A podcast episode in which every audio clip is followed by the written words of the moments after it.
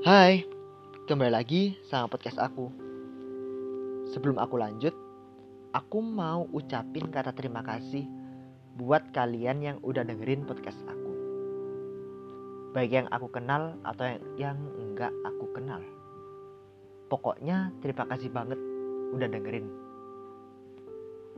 Karena yang denger udah agak banyak, rencananya sih aku mau mulai tingkatin kualitas audionya dikit kayak bikin musik sendiri terus ya ningkatin konten-kontennya dah. Oke oke.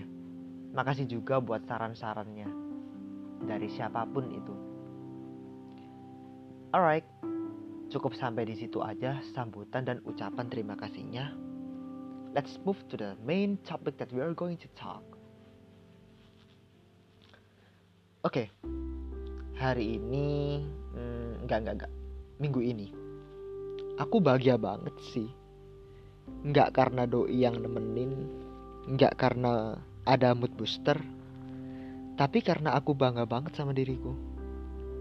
Banyak hal yang menarik dan hal yang baru terjadi di minggu ini.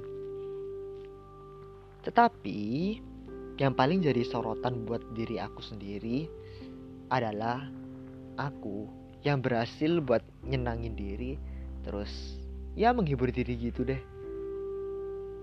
Ah bener banget. Menyenangkan diri kita.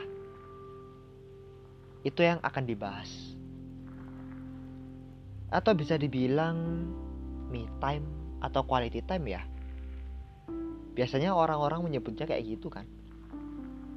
Menghabiskan waktu untuk diri kita sendiri itu bisa dilakukan dengan berbagai macam cara ada yang keliling-keliling kota muter-muter nggak jelas entah ke mana. Ada yang ke kafe nongkrong sama teman-teman mereka. Ada yang main game entah itu sendirian atau bareng teman mereka. Atau bahkan ada yang rebahan menyendiri nggak ngapa-ngapain selama sehari kayak orang mati. Kayak gitu mah sebenarnya nggak apa-apa. Sendirian aja males ngapa-ngapain, males ngelakuin apa pun, nggak mau atau nggak punya energi untuk berbicara dengan siapa pun juga. It's fine actually. Asalkan kalau ada sesuatu yang bikin jengah atau gundah, utarain aja. Entah ke siapa pun itu, ke orang tua, ke teman, sahabat, atau pacar. Ya daripada depresi kalau dipendem sendiri ya memberikan hiburan untuk diri kita sendiri. Hal itu adalah hal yang wajib banget dilakukan bukan? Setuju gak? Karena apa? Dengan itu, kita bisa mencintai diri kita sendiri. Memahami diri kita sendiri juga. Ya gimana ya? Itu emang wajib banget buat dilakuin. Kita harus mencintai diri kita sendiri terlebih dahulu baru kita bisa mencintai orang lain bukan?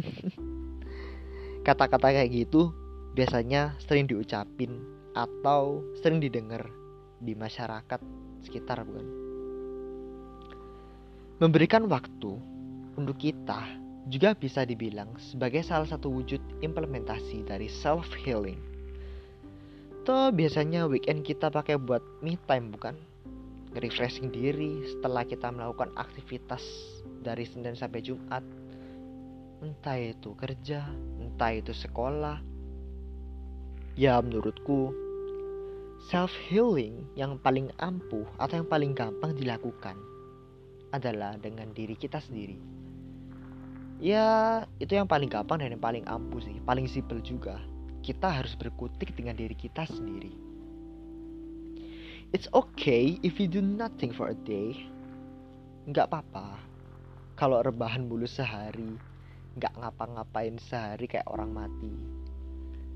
Nggak apa-apa juga kita nggak berbicara dengan siapa pun dalam sehari. Nggak apa-apa juga kita nggak ngobrol sama doi gebetan atau pacar. Sehari atau bahkan dua hari. Karena apa ya? Kenapa aku ngomong gitu?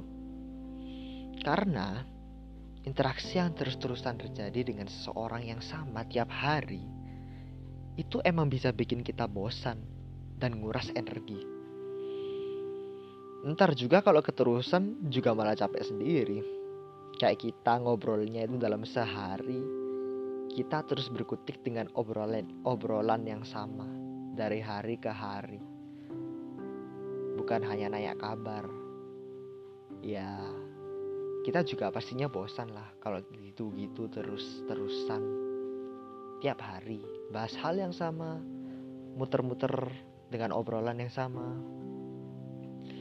Ya sebenarnya sih just relax, it's okay to be distanced. Atur waktumu untuk dirimu sendiri. Gak apa-apa untuk membuat suatu jarak terhadap orang lain. Entah kita bisa melakukan itu dengan apa. Aktivitas apa pun bisa. Aktivitas yang kalian sukai.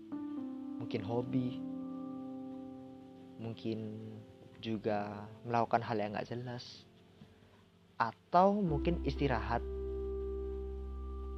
Nggak usah takut ditinggal juga karena kita jarang berkomunikasi apalagi kalau sama doi.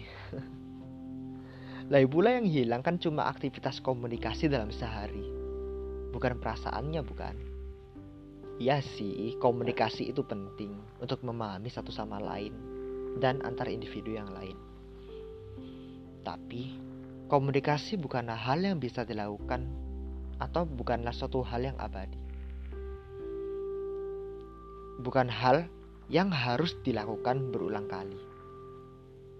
Harus dibatasi. Karena meskipun seseorang jarang berinteraksi atau berkomunikasi, hal terdalam yang ada di dalam hati adalah rasa berharga akan kepemilikan ikatan yang berarti.